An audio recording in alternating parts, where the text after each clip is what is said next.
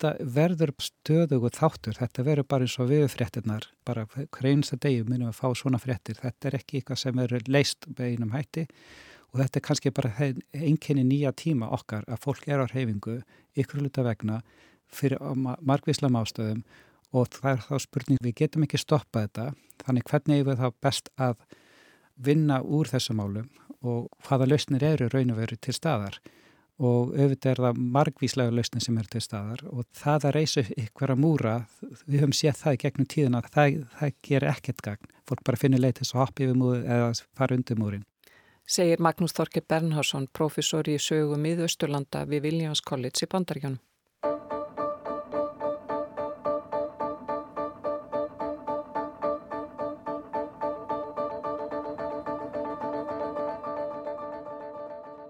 Yfir 100 miljónir jarðabúa hafa þurft að flýja heimili sín og fátt sér bendi til annars en þessi tala í bara eftir að hækka. Flestir far ekki langt, eru á vergangi heimalandinu en aðri flýja til nágrannalandana og býða þess að geta snúið aftur heim. En hvað er heima? Er það staður sem þú fæðist á? Eða er það staður þar sem þú sest að?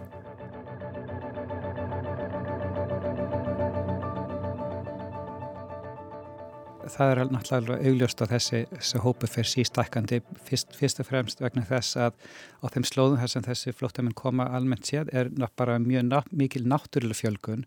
Svona við hvern íbúa þá er eignast að meðtala fleiri börn heldur annars þar í heiminum og þar leðindi er þetta bara sístækandi hópur og sín öru lagi er, er þetta þá ungar fjölskyldur eða ungt fólk að mikið til og það er náttúrulega ungt fólk sem fyrst og fremst fer, fer að stað og sína þriðalagi þá eru bara bæði pólitískar, afnæslegar og umhverfslegar ástæður fyrir því að fólki er að hugsa í seti hreyfings að því að bara með þess að svo að það bara hreinlega ekki hægt að, að halda upp í svona ákveðinu lífi á, á þessu slóðum.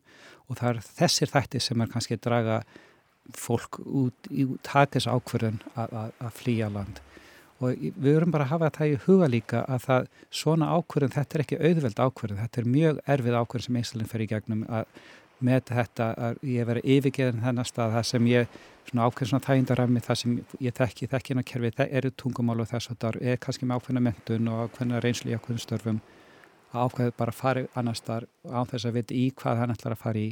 Og líka kannski veitan að því að það, ég mun mæta fordum þar og ég mun fari inn á eitthvað kerfi. Þetta er alveg gífilega mikil ákverðun sem ég held að við verðum að svona, við kannski vannmetum mjög hversu sko, stórt mál uh, þetta er. Þetta er ekki bara eins og skrepp eitthvað, þetta sko, þetta er meiri háttar ákverðin.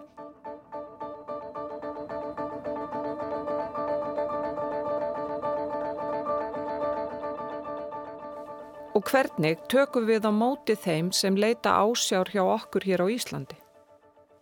Fólk hefur alls konar skoðanir á þeim sem sækjum alþjóðlega vend hér og þessi þáttaröð snýst ekki um skoðanir fólks á málafloknum heldur aðalega um fólki sem þar starfar, fólki sem tekur á móti flótafólki og leiðbeinir því, fólki sem situr oft undir ámæli fyrir að taka stöðum með eða gegn umsækjandum, fólki sem fer að tilmælu stjórnvalda um að bjóða ákveðna hópa eða einstaklinga velkomna og aðra ekki.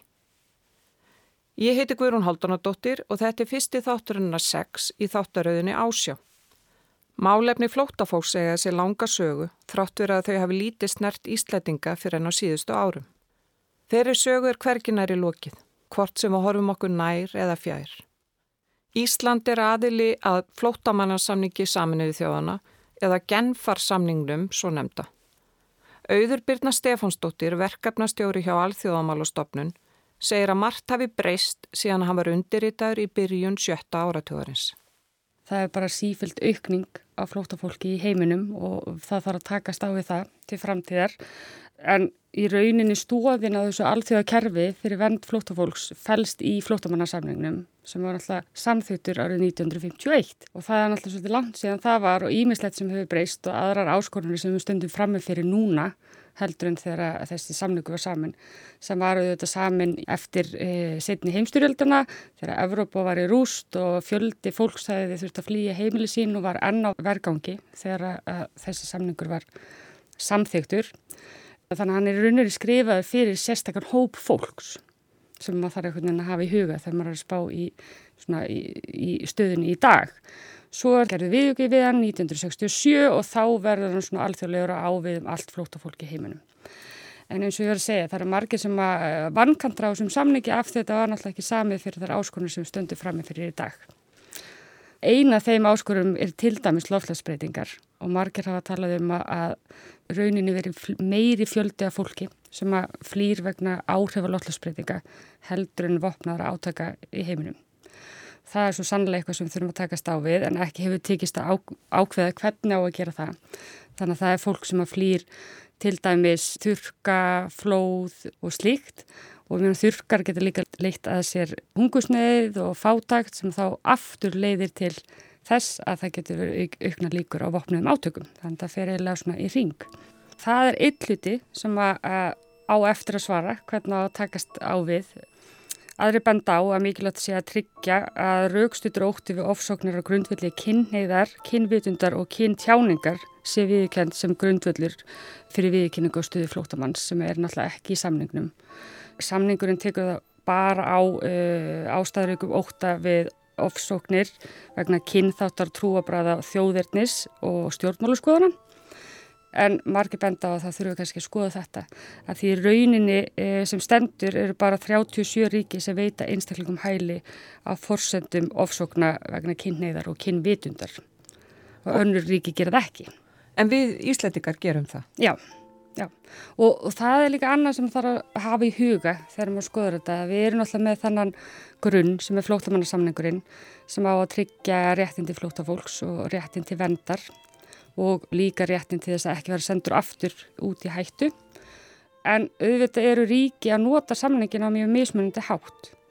Það eru ríki sem eru með alls konar viðuga og aðra reglur og, og mannreitt sjónamið sem að kannski skilgreina samningin víðar og önnur sem skilgreina þrengra og eftir sínum fórsendum.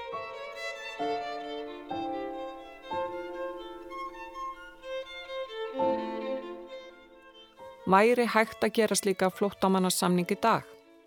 Kári Holmar Ragnarsson, lektor við lagadeilt Háskóla Íslands, er alls ekki vissum það. Hann leggur grunninn að þessu kerfi sem við á Íslandi og, og annar staðar búum við í dag að móttöku á flótamönnum, skilgreinir hvað það er og þá þar með býr til eitthvað skonar mörg, sumir falla innan og sumir falla utan. Og uh, auðvitað svo skilgreining verður náttúrulega til í ákveðnu, ákveðnum aðstæðum. Ég menna þetta, þannig erum við að ná utanum fólk sem eru að flóta undan nazistum, bara fyrst og fremst sko og, uh, og, þá verður hann til og hefur mjög miklu útbreðslu, mjög mörg ríki sem eru aðelar aðanum eða þá fylgjónum sem venjur réttið eitthvað slíku. Þannig að hann leikur algjörlega leikil hlutverk og í snýstum þess að bara í kjarnans er þessi regla um að þú sendir ekki fólk aftur í aðstæður þar sem þeim er hægt að búin og síðan reynir hann að útfæra það og hvernig á að taka á móti flóta fólki sem að fær vend sem slíkt og setur ím svona annars konar ramma utanum þetta allt saman. Samningurinn var til þessum tíma út af þessum aðstæðum og það er alveg áhugavert að velta fyrir sér. Gæti þessi samningur orðið til í dag? Já, 1951 voru sko ekki einu svona helmingurinn á ríkjónu sem við þekkjum í dag, voru ekki til aðstöðu voru alltaf aðra og svo framvist þannig að ég svona leiðum stundum að efast um að þessi samlingu gæti yfir höfuð sko orðið til í dag. En hann er hér og við vinnum áfram með hann. Og hann, semst, það er hægt að breytunum með þessum formlega hætti sem var gert einu sinni og aldrei aftur síðan. En það, það er náttúrulega eins og annað í alþjóðakerfinu byggir á samstöðu ríkja. Ríki verða bara bundin af því sem þau sjálf samþykja Þannig að það er ekki að þvinga neitt með laurugluvaldi til þess að hérna, undirganga skuldbendingar eins og þær sem að finnast í, í flótumannarsamlingnum. Það er ekki þar með sagt að samningurinn hafi alltaf verið nákvæmlega eins í framkvæmt. Þróun í flótamararétti hefur verið mjög uh, mikil og farið í ymsar áttir kannski og það eru margir personur og leikindur sem að þar geta komið þessu það er kannski fyrst að nefna það að, framkvæmt samningsins er auðvitað fyrst og síðast í höndum einstakra ríkja. Það eru þau sem að tólka þessar reglur og taka við eða ekki uh, fólki sem er á, á, á flóta og þannig að frangand innan ríkja hefur þróað samningin hvernig á að skil, skilja þessar reglur og, og eiginlega í allar áttir sko, stundum til útvíkunar og stundum til þrengingar en það er ekki bara ríkin heldur við alls konar alþjóðastofnarnir sem að geta komið þarna við sögu. Stofnarnir innan saminuð þjóðana, flótamannastofnun saminuð þjóðana, kannski fyrsta nefna. Og Rauðikrossin hefur ákveðið hlutverk í þessu kerfi. Og þessar stopnarnir gefa út sín álit á hvernig ber að tólka samningin, hvernig ber að beitunum á einstakar aðstæður, hvernig ríki, eh, einstuk ríki standa á hverjum tíma að það eru þetta annað sem breytist, jáfnvel þó að samningurinn kannski breytist ekki, þá breytist heimurinn og einstug ríki er í allt annari stöðu frá einu tíma til annars og svo framins. Já, ríki heimsins tólka samning saminuðu þjóðana um réttastöðu flóttafólks á mismunandi hátt. Rítöfundri Dína Nægeri segir að þessi engi tilviljun því að þegar að maður gerður að við enginn vita hvar eða hvenar næsta helför myndi herja á heiminn you know why they they said it that way. They were trying to say and every other reason, like etc. Like they wanted to Samningurinn var undirritaður 1951 í kjölfar hryllilegra grimdaverka og hlutverk hans var að verja þólendur. Fólk sem hraktist á flótta vegna ákveðnar ástæðu og engin vissi hvað yrði næst til þess að neyða fólk af stað. Og því fekk skynnsemina ráða og reynda láta ákveði samningsins ná yfir allar mögulegar ástæður. En í dag eru lagfræðingar að skilgreina ástæður þess að fólk leggur á flóta og meta hvort þær fallundi samningin. Vangaveltur þeirra um hvað sé þjóðfélagshópur í skilningi flótamannasamningsins. Eru konur þjóðfélagshópur? Hvað með þólendur heimilisópeldis? Nú eða fólk á flóta undan lofslagsbreytingum, gengjastriðum og svo mætti lengi telja. Dína segir að þetta gangi þvert gegn tilgangi flótamannasamningsins. And it's become absurd because the point wasn't to say only these people are refugees. The point was to say the vulnerable... Þetta er fáránlegt. Því tilgangurinn var ekki bara sá að bjarga flótafólki, heldur einnig að styðja berskjaldaða og viðkvæma við að leita ásjár. Við höfum mist sjónar á tilgangi samningsins og það sem að ég tel að við verðum að gera er að endur skilgrena þannan viðkvæma hóp. Því fyrsta lagi er það algjört rugg að skella því framann í mannesku sem er í hættu og hefur rakist að heiman að hún þurfa að snúa aftur í þessar aðstæður. Að segja við hanna, við trúum þér. Við trúum því að þú sért í hættu en því miður þá fellur þessi tiltekna ógn ekki undir skilning okkar á flótamannasamningnum. Vinsala snúðu tilbaka. Hún segir að það sé hlutverk valdhafa að breyta þessu og hætta að beita þrengjandi lögskýringu á flótamannasamningin. Við sem búum við öryggi verðum að sína ábyrð og styðja þá sem ekki tilheyra sama forréttundahópi og við. Að við vogum okkur að horfast í aug við mannesku sem hefur rakist að heiman og þóla þjáningar en býr ekki við réttu orðræðinni eða tengslanetti og velta því síðan fyrir okkur hvort við um að trúa sögu viðkomandið ekki. Þetta er viðbjóðslagt og ómanneskilagt. And it's uncivilized, you know.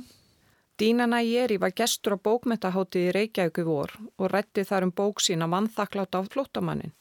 En Dína þekki málefni flótafólks vel því hún fór ásand móðu sinni og bróður til bandaríkjana eftir að hafa flúið Íran vegna trúaskoðana.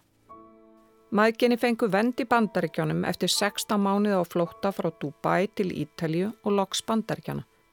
2016 fór hún til starfa fyrir mannúðarsamtöku flótamannabúðum í Greiklandi og það sló hana að heyra hvað líti hafi breyst frá því hún var sjálf í þessum sporum á nýjunda áratug síðustu aldar. Auði Byrnu hugnast ekki að gerðu verði nýr flóttamannasamningur. Ég er rosalega hrættum að það myndi ekki uh, ganga vel. Ég menna ef við horfum á að til dæmis bara í Evrópu hafa ríkin verið að reyna að dreifa ábyrð á þeim flóttafólki sem kemur til Evrópu meðal annars árið 2015 þegar kom mikil fjölda flóttafólki til Evrópu og þá var mikil um, þrýstingur eða mikil á löndunum sem að flóttafólki kom fyrst inn til sem var þá Greikland og Ítalið aðala og á því tímabili var gerð sérstökur, sérstökur samningur um að önnur Evrópuríki myndi taka við flóttafólki það til að létta á byrðinni á þessi ríki og það mætti náttúrulega bara mikill í anstöðu hjá mörgum ríkjum og gekk síðan bara úr gildi 2017 og ekki hefur til dæmis tekist að semjum það. Þannig hér í Evrópu er búið að ganga mjög yllar en að semjum einhverslega streyfingu ábyrðar. Þannig ég held að ef við myndum opna fyrir það að fara að semja aftur um flótamannarsamningi þá myndi það ekki ganga vel og ég held að myndum bara að fá verri samning í rauninni með síðri réttundum. Þannig ég held að það sé frekar að maður þurfa stóla á það að styrkja kannski samningin með auka reglugerðum eða einhverju þannig. Mörg ríki hafa tekið höndum saman um tólkun á flótamannarsamningnum, ekki síst á ákveðnu svæðum, til að mynda með mannréttinda dómstól Evrópu. Við þekkjum best Evrópu samstarfið, það er það sem kemur frá Evrópu sambandin í grunninn og, hérna, og Schengen samstarfið sem skiptir miklu máli þar líka. En það er líka samstarf í Suður Ameríku og í Afríku þar sem þessum svæðum hafa verið búinar til aðeins, aðeins öðruvísi skilgreiningar á því hverjir fá vernd sem að stundum er, er lítið til e, og en eh, Európa-sambandsins er eh, unnið að því akkurat já núna á þessu ári hefur verið mikilvinna lögði að, að endur hugsa þess kerfið í Evrópu. Og þannig að þetta er í sífældri þrón Flóttamannarétturinn stendur ekki einn og sér í alþjóðakerfinu heldur spilar saman við auðvitað reglur í einstökum ríkum en líka aðrar þjóðuréttilega skuldbendingar og það er þá helst mannréttinda skuldbendingar nú við heyrum mörgulega oftast hér á Íslandum mannrættenda sáttmála Evrópu og mannrættenda domstólinn í Strasburg sem að framfylgir þeim samningi. Þar er ekkert fjallað um réttindi fólks sem er í leitað anþjóðurari vernd en maður lesa sáttmálan sem slíkan. En dómafrænkvæmt mannrættenda domstólsins er gríðarlega mikilvæg á þessu sviði. Því að þar hefur rauninni reglum sem er beint að banni við pyntingum, banni við ómannulegri meðferð. Er að verið þróað þessa reglu til þess að ná til fólks á flóta og uh, sérstaklega kannski koma í vekk fyrir endursendingar fólks til stað þar sem að þeim er, er hægt að búi. Þessi grunn hugmynd að, að ríki sem að endursendir borgara til annars ríkis geti verið brota á sáttmálunum er, ja, þetta, er á, þetta er hugmynd sem að verður til í dómi dómstofsins í máli sem heitir Söringing Breitlandi þar sem að ætlunin var að senda mann aftur til bandaríkjana þar sem hann áttund yfir höfðu sér döðuröfsingu og það var að tala um að svo endursending sem þetta gæti í jafngildi að vera að senda eitthvað aftur í, í, á staða sem átti hægt á að verða fyrir ómannulegri meðferð. Og síðan fer þessi hugmynd að í rauninni færa sig yfir á svið flótumannaréttar og, og í dag er, er rauninni þessum reglum, þessari reglum mannrættandomstólsins sem um bannuð pyntingum og ómannulegri meðferð beitt samhliða reglu flótamannaréttar um að hérna, senda fólk ekki aftur á hættilegan stað og, og þetta er svona ákveðin samspil þessara regla og síðan eru alls konar aðri hlutir varðandi umsækjendur um, um alþjóðlega vernd sem að geta farið til margindómstólsins til dæmis um þá aðstæður þeirra á meðan á, á umsóknarferlinu stendur og svo framvegs og þetta eru allt hlutir sem að domstólinn hefur, hefur fjallað um. Og stundum fengi mikla gaggrinni fyrir að hafa gengið of langt í þá að þessar gaggrinnisrættir eru þá gangut og það að domstólinn hafi ekki virt fullveldi ríkja til þess að ákveða sjálft hvernig innflytjanda stefnu þeirra er, er hátað. Þetta er mjög áberandi í gaggrinni í Breitlandi á domstólinn og uh, í Danmörku þar sem að á báðum stöðum hafa verið uppi rumverulega rættur um að jafnvel að yfirgefa mannættinda sáttmálan og þá uh, að miklu leiti tengt þessum þessu réttarsviði. Já, þannig að kannski þessi málaflokkur, fólk að flóta, er að hafa einna kannski einna mest áhrif á stöðu bara mannréttinda mála jafnvel innan Evrópu. Þetta er allavega málaflokkur sem að e, vekur gríðarlega aðtikli og lang mesta umfjöllun af öllu sem að fer til e, mannréttindómsdómsins í, í Strasburg held ég að megi segja eru þessi þessi málaflokkur og vekur miklar eh, og heitar tilfinningar en stundum auðvitað er það kannski frekar þannig að sé verið að nota þessi mál, þessi tilvik sem svona uh, já, mat, gera þessi mat úr því einhverju pólitískri baróttu sem að kannski snýst ekki alveg endilega um þessar mannrættindareglur, heldur snýst meira um bara svona þessi stærri hugmyndur um, um innflytjandamál og hvernig, hvernig afstöðu fólk hefur til þeirra.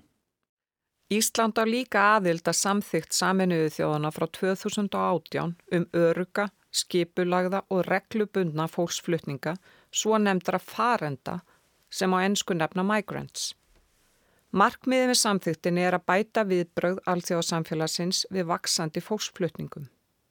Þarna er tilum til þess að vera að fjalla um alla farendur, ekki bara flóta fólk og ekki bara það sem eru í leita alþjóðlega vernd og ekki gerur greina mennur á því hver er ástæða þess að þú leggur á stað upp í ferðalag. Og, og heldur er, er ekki talað um e, löglega eða ólöglega flutninga. Það er reynda gerður greina mennur um óreglulegra og reglulegra flutninga sem svona einhver leiti sami hluturinn en samt ekki nota þetta tungutak að, að fólk, ákveði fólk sé ólöglegt. Og og þess, þessi ríki komið sér saman um að stefna að ja, mörgum markmiðum, 23 markmiðum í þessum, þessum heimi. Og það er kannski þeim hefur verið skipt aldrei þrent þessum markmiðum sem að ríki stefnað sum eru til dærulega afmörguð og skýr og óumdelt þarna er svona til sem hljóma einfaldir eins og að eiga samstarf ríkja um upplýsingamidlun og tryggja löglegt form ferðaskilríkja, svona praktískir hlutir Síðan eru nokkur markmið sem eru til dæla skýr en þó dálitið umdelt e, og þar kannski helst að nefna það að þarna var sett að markmið að auka möguleika á löglegum leiðum til þess að flytja með til landa, þessum, þessum reglulegum fólkflutningum. Og síðasti hópur markmiða eru kannski mjög viðtækvað og dálitið óskýr og meira svona stefnumið. Þarna eru svona stór markmið eins og að, að e, draga úr neikvæðum undirliggjandi ástæðum þess að fólk flytja með til landa og vinna á móti mismunun gegn eh, innflytjanda því að, að innflytjandur verði utanveldu í samfélaginu svona þessi stóru samfélagslegu markmið og, og, og það er þá reynd að setja það niður á blað hva, hver þau eru og hvað, hvað ríki getur gert. En þarna er kannski aðstæður í þessum 150 eitthvað ríkjum mjög ólíkar og, og hérna og þarna er eitthvað svona aðeins minna hönd á fæstandi en þetta er áhugaverð þróun og að þetta hefur fengið þetta, þetta stuðning sem að aðverður en það verður alveg að bara koma í ljós hvort að þetta plagg mun hafa einhver áhrif eins og segja þetta er ekki bindandi samningur, þetta er meira svona stefnumið.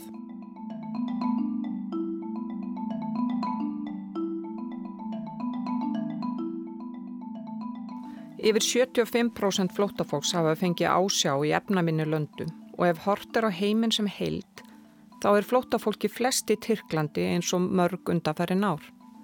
Skýringin er meðal annars stríði í Sýrlandi sem hóst fyrir meira en 13 árum og náttúrulega samningur Evrópusambandsins við Tyrki um að hleypa fólki ekki þaðan til Evrópu. Ég held að staðin í Sýrlandi hefur komið okkur svo mikið óvart. Þetta byrjaði fyrst, það gerði flestir áfyrir því að Sýrlandsfórseti myndi bara yfirgefa landið með, sínar, sínu auðafi og setja stað ykkur velistingum annar staðar en öllum óverum ákveðin að berjast og hann hefur barist freka vel þrátt fyrir það að mörg stórveldi hafi verið að skipta sér að málöfnum þessa lands. En núna er hann nokkuð neinn búin að koma á stjórn á stórum hlutalandsins og ég held líka að sé komið núna strístreita meðal þeirra sem eru að berjast gegn honum. Það er verið að taka svona síöknum alveg í sátt meðal hín á þessa nákvæmna og í persóflónu og þess áttar Þannig að það stefnir allt í það að Bashar al-Assad og hans stjórn og hans flokkur og hans, hérna, hans menn komið til að smá saman að taka yfir all landið og þá, þá verður kannski eitthvað svona ákveðnstöðuleiki en á saman tíma ætla líka þá hefst kannski líka eitthvað svona hendarprogram og þeir, þá hvar varst þú árið 2011, hvað varst þú árið 2013 og hvað varst þú þarna berist með þessum aðlum og þess að þar þannig að þá verður kannski einhvers konar hreinsanir sem koma til með eiga sér stað. Í í þeirri svona tilrönd þess að ná enn frekari stjórnalandinu og þá getur líka verið ykkur sem fólk tekur ákverðin að flýja. En það er líka, ef, en ef fólk með þessum svo sem búa þá í Líbanonu, Jordani eða í Tyrklandi að það sé komið aftur nú stöðuleiki og, þeir með þessum svo að, að þið geta farið tilbaka og ekki láta mikið á sig bera, þá, þá getur hugslegt að eitthvað fólk snýr aftur tilbaka og það er, yfir, það er verið að bera því núna og það er svona eins og lífið núna í Damaskus er svona nokkurnin að komast í eðlega torf eins og var. En er ennþá náttúrulega mjög mikil eðilegging og náttúrulega bara á sálu fólks mm. þess að þetta líka. En Sýrlands virðist vera svona stefna í eins og það var 2010-2011 en það sem var kannski svona einkendi Sýrland áður en Arabíska voru breyst út var að það var svo mikið um erlenda fjárfestingar og af ímsum tóa en ég er ekki alveg sko hvort að slíka fjárfestingar koma til með að koma aftur og síðan var líka þáttur rúsa, hann var verulegur í Sýrlandi og þeir alltaf sér kannski mikils þar. En núna vegna þess að rússar eru uppteknir annars þar, þá veit ég ekki hvort að rússar komi til með að vera eins ábærandi og þar er lendi spá fólk því að bæði Íranir og Tyrkir alltaf sér að, að beita sér enn frekari í, stjórnmælum þess land. Mm.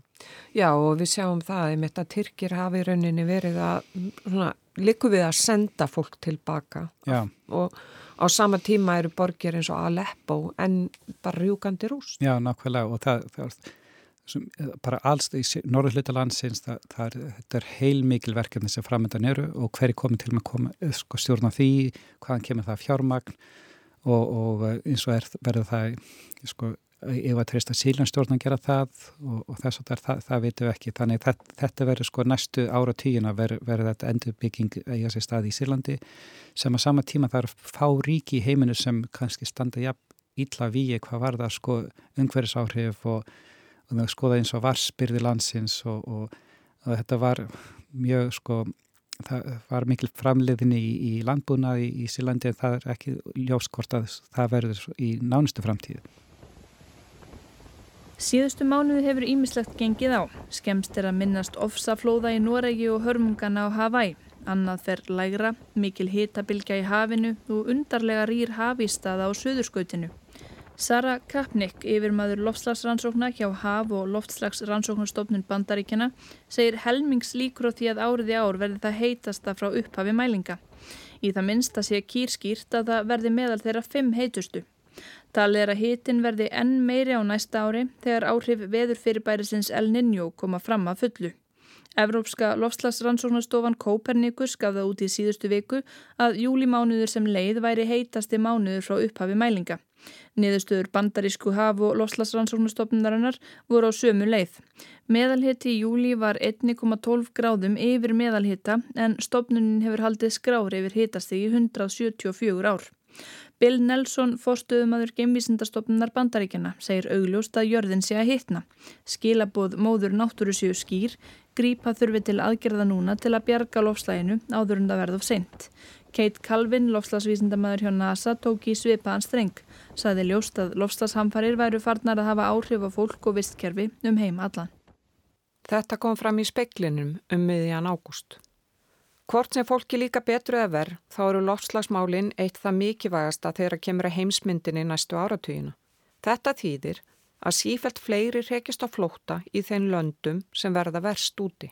Við náttúrulega sjáum fram á að, að það verða sífælt fleiri svæði í heiminum óbyggileg og það eru náttúrulega ymsar afleðingar sem verða af því. Það verða meiri átök og það verða meiri samkeppni um, um bjarginnar sem eru eftir Þannig að væntanlega eru við að fara að sjá bara meiri reyfingu á fólki um jörðina að leita sér að byggilegum svæðum og, og tækifærum.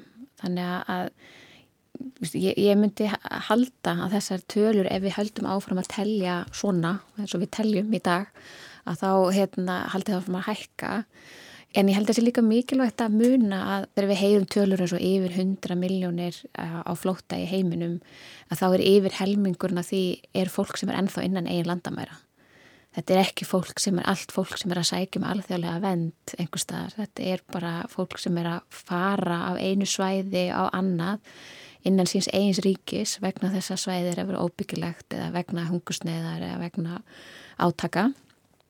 Það sem við þurfum að gera er að endur skilgreina svolítið, að fara að horfa aðeins öðruvísi á þessa hluti. Þau eru mjög pólitískir í dag og þetta snýst rosalega mikið um að, að reyna einhvern veginn að ná böndum yfir reyfingu fólks, að reyna að koma í veg fyrir að fólk fari inn á svæðin og uh, reyna að afmarka rétt fólks til þess að færast á millisvæða. Ég sé fyrir mér að það þurfu að breytast til framtíðar, það þurfu einhvern veginn að reyna að horfa á þessa reyfingu og fólki sem eðlilega af því að þessi svæði munu bara ekki, það, fólk munu ekkit komast tilbaka á þessi svæði sem er að verða óbyggilega. Þetta er Eva Bjarnadóttir teimistjóri hjá UNICEF á Íslandi.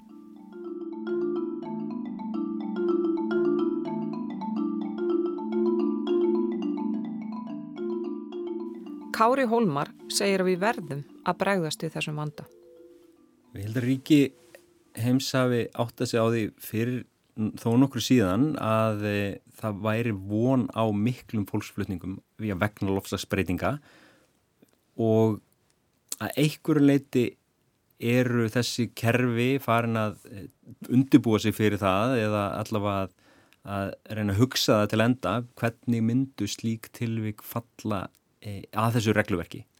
Um, það er til mjög nýlegur uh, nýlega niðurstaða frá mannreitnda nefnd saminu þjóðana þar sem að e, er gefist mjög sterklega í skinn að það kunni að vera að ríkjum sé óheimilt að senda fólk tilbaka á staði þar sem að þeim er veruleg hægt að búin á líf og lifum e, vegna loftasperninga og vegna náturhamfara. Þannig að þannig, það er, er mjög fyrirsjónlegur næstu svona átakapunktur í, e, í þessu kerfi að hversu, hversu stór verður þessi opnun fyrir fólk að já, nota kerfið sem við eigum um alþjóðlega vend til þess að flýja lofslagsbreytingar og breytingar á, á lífsögum sínum. Það líkur algjörlega fyrir auðvitað að lofslagsbreytingar hafa gríðarlega áhrif á lífskilirði og mannrættindi fólks við um heim, þegar í dag ekki bara í framtíðinni og þa það er svo grunn hugsunuð þetta sem að býra baki réttinum til þess að leitað griðlandi e, utan heimaríkisins og ég reyna að rifja upp orðarleið úr mannætti yfirleysingu saminuð þannig frá 1948 og e, þessi tegund, þessi ástæða fólksflutninga eða flóta er hafin og hún mun aukast á næstu, næstu árum. Þar mun verða meira álag á þessi kerfi sem til eru ef maður vil skoða þannig inn, innan alþjóðu kerfisins er ákveðin vinni í gangi til þess að já, reyna að bregðast við þessu til dæmis, já, það er að horfa á bara viðbröð ríkja við lofslagsvandanum sem eina tegund af þeim viðbröðum en ég held að sé ljóst að, að ríki þurfa að finna einhverja leið til þess að bregðast við skamtíma vandanum sem er mjög fyrirsjónlegur. Það er ekki bara lofslagsbreytinga sem reykja fólka heimann. Flóta fólki fjölgaði mikið í Evrópi fyrra eftir innrás rúsa í Úkrænu og Ísland er þar ekki undaskilið. Fólk frá Úkrænu fær hér vend sama dag og óskaður eftir henni. Um er að ræða mannuða vend og þeir sem fá slíka vend meg að vinna á Íslandi án þess að fá atvinnulefi. Engin veit hvena stríðinu líkur í Úkrænu og algjörlega óvist hvort flóttafólk þaðan getur snúið aftur heim á næstu árum. Mér sínist stríði í Úkrænu sína í fyrsta lagi að það var til staður í flóttamannaréttinum fyrir þessar aðstæður. Það var til dæmis í íslenskum lögum bara ákveði laga ákveði sem, sem tókjur en ákveðlega utanum þessar aðstæður sem er mitt bara kennur okkur aftur og þetta eru svona aðstæður sem að þetta kerfi því var ætlað að taka utanum og hérna fólk að flóta frá stríði og þetta er eitthvað sem, sem flótamannakerfi kann að gera í grunninn og ég held að sé líka alveg og það mjög, hefur, hefur sterk áhrif á mann að sjá hversu já, vel önnur ríkja hafa tekið á móti flóttahólki frá Úkrænu eh, bæði nágrannaríkin, Póland auðvitað mjög vel þrátt verið að þar hafi svona pólitíkin síðustu ár verið mjög ansnúin allavega fólki leita alþjóðlega vernd og, og, og einnig hér á landi að því hér hérna, hefur komið nokkuð fjöldi af, af fólki frá Úgræn og maður hefur ekki heyrt annað svona í almennu umræðin en það hefur bara gengið eh, nokkuð vel og vel á mótið þeim tekið. Þetta sýnir allavega að svona ef maður horfður á þetta bara lagalega séð að þarna urði ekkert einhver mjög stór grá svæði með þessum aðstæðum að þarna fjall fólki ákveðin flokk og um, var, var þá meðhundlað sem slíkt og það gekk út af þessu ágætlega þá er ég ekki að gera lítið úr því að auðvitað eru praktísk vandamál sem að þarf að leysa við það að, að, að stór hópur fólks fer að flotta.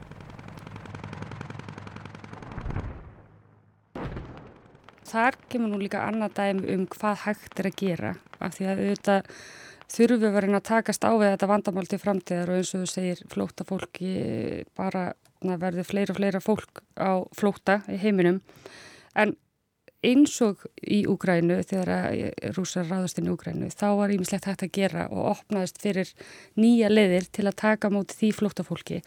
Þannig að ef viljin er fyrir hendi þá er hugsalega hægt að gera meira heldur en oft áður. Þannig að þetta er spurninga um að dreifa ábyrðinni á flóttafólki í staðin fyrir að fara að opna á þennan flóttamanna samning sem er bara rosalega flott alþjóðlegt tæki sem við getum notað til þess að fólk fái vend þegar það er að flótta þá held ég að það þurfa að skoða einhverja leiðir til þess að komast að niðurstuðu um hvernig við ætlum að dreifa ábyrðin á því flóttafólki sem er í heiminum. Stærsti hluti flóttafólks er náttúrulega hýstur í löndum sem eru nálagt átaka svæðunum og hafa kannski ekkit endela burði til þess að takast á við að að veita þá þjónustu sem þetta flóta fólk þarf á að halda. Þess vegna er, eru ríki sem taka aðeins sér flóta fólk frá þriðja ríki, það sem við kallum í Íslandi kvóta flóta fólk. En það eru bara ekki það mörg ríki sem að, að gera það reglubundið. Ég held að sé eitthvað 27 ríki eða eitthvað slúið sem að gera það. Og þá erum við náttúrulega með fullta ríkjum sem bara eru ekki að axla mikla ábyrð á því flóta fólki sem er í heiminum. Gabon, Níker, Burkina Faso, Gínea, Tjatt, Mali, Miðafrikulíðveldið, Kongo, Sútan. Við getum haldið lengi áfram. Þessi ríki eiga það samiðilegt að það er allt við söðumark. Valdarán, pólitískar ofsóknir, skortur á lífsnöðsinjum og hungusneið. Það kemur því ekki óvart að Magnús Þorkjörn Bernharsson nefnir Afriku þegar ég spyr hann úti hvaðan ströymur flóttafólks líki næstu árin. Vestur og Suð og Mið Afrika, það bendir allt til þess að það er bæði hvað var þar umhverjins áhrif, hvað var að matvælaskort, hvað var þar efnagslega stjórn, hvað var þar pólitíska stjórn, borgaristýrjaldir og það svo mörg óleist mál á þessum slóðum að það er vonað því að það verður heilmikla hreyfinga þar á og uh, ég held að það verður kannski minni fjöldi frá miðausturlöndum og held Afrika verður næsta stóra verkefnið. Nú ert þú búsettur í bandarækjanum þannig að þar sjáu þið náttúrulega flesta koma frá Suður og Miða-Ameríku. Já. Hvernig eru horfurnar í þeim hluta heimsins? Þetta er orðið svo hápolítíst. Ströymurinn er mjög stöðugur og það er í Miða-Ameríku og norð, norður hluta Suður-Ameríku hefur líka verið algjör sprenging hvað þetta varðar og síðan líka frá ímsum löndum í Karabíska hafinu. Þannig að verður döðugu þáttur, þetta verður eins og viðfréttinnar, bara hverjumsta degi minnum að fá svona fréttir. Þetta, þetta er ekki eitthvað sem verður leist beginum hætti og þetta er kannski bara einkenni nýja tíma okkar að fólk er á reyfingu ykkur hluta vegna fyrir margvíslam ástöðum. Það er þá spurning sko, við getum ekki stoppað þetta, þannig hvernig er það best að vinna úr þessum málum og hvaða lausnir eru raun og veru til staðar og auðvitað er það margvíslega lausnir sem eru til staðar og það að reysa ykkur að múra, við höfum séð það í gegnum tíðin að það, það, það, það ger ekkert gagn. Fólk bara finnir leið til að hoppa yfir múri eða fara undir múrin. Þannig hva, hvað er hægt að gera í þessu máli? Þannig að þetta mál var ekki leist með því að koma endi á þetta, heldur það bara fyrir eitthvað hægt að stjórna þessu eða komið vekk fyrir þetta sé eins mikil harmsaga eins, eins og þetta er. Er hægt að gera þetta þannig að þetta er, er meiri svona stjórn á þessu og allir geta verið sko, bara sett á borðið hver eru hagsmunni þeirra, hvað vilja fólk, fólk út úr þessu. Mörgulöndum heims er skortur á fólki og er hægt að þá gera þetta þannig að það sé hægt að fá fólk að vinna í þessum hagkerfum sem þarf að verka fólki að halda í hína þessu störf á þess að gera þetta með í þessum neðijarðar þar sem er ekki okkur, holdt fyrir okkur eða gott fyrir hakkerfi í helsinni. Ég held að þeir sem tala um flóttamanna, þá er þetta að tala um þetta eins og þetta sé krabba mín eða vírus sem er hægt að sko taka út frá líkamannum. Þetta er bara eins og blóðrás og ég held að það sé frekar að ætti að hugsa þess að þannig. Þannig hvað, hvernig getur maður haldið sko hjartan reynu eða svo... Blóðþristingur er réttur. Já, réttur, finna, finna réttur stillinguna. Nákvæmlega og að því að líka því að ef maður skoða bara mannkynnsöguna þá er þetta bara holdt og gott að það sé að fólk er að ferast frá, frá einu stað til annars og það er bara hið besta mál. Það held ég að sé nöðsilegt í þessu ekki verið að hugsa um þetta sem sjúkdóm heldur sem eitthvað sem er bara enkenni af, af þjóða líkam okkar. Og þetta er málaflokkur sem er því miður að vaksa, lefum mér að segja og Fjöldi flóttafólks á heimsvísu er komin í held í 108-110 miljónir, hefur aukist hratt á undanfennum árum. Og spár eru því miður upp á við. Og það fer svolítið eftir því hvað spár maður skoðar en ég held að raunahafar spár ná við áalli að fjöldimunni tvöfaldast á næstu 20-30 árum. Og ennsvart sérni spár gerar á fyrir þreföldum, fjórföldum eða fimmföldu fjöldu þannig að fjöldi verið komin í alltaf miljard eftir 30 ár. En það veldur alltaf bara því hvernig loftslags áhrif uh, og breytingar verða hvar, uh, fyrir hverja og, og hvernig. Og þá er ekki tekið með njöfnum að hugsalega vopnið átök og aðra krísur hamfæri sem að kunna bresta á annarkot fljótlega eða setna þannig að því miður ef að ef ekkert verið aðgert svona heimsvísu þá má gera ráð fyrir að fjöldi flóttafólks aukist. Og ég segi því miður þegar fólk vil flest bara vera heima á sér.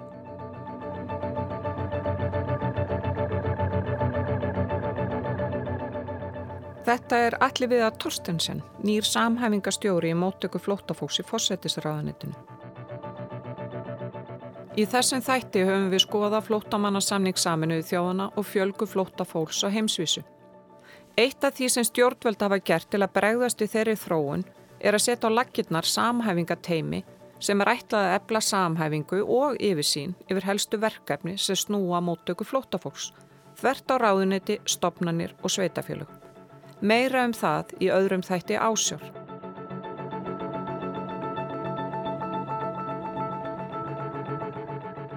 Þáttaröðun ásjá er framleitar ás 1, umsjón og dasgragerð Guðrún Haldanadóttir, tæknimaður Lítiða Gretastóttir.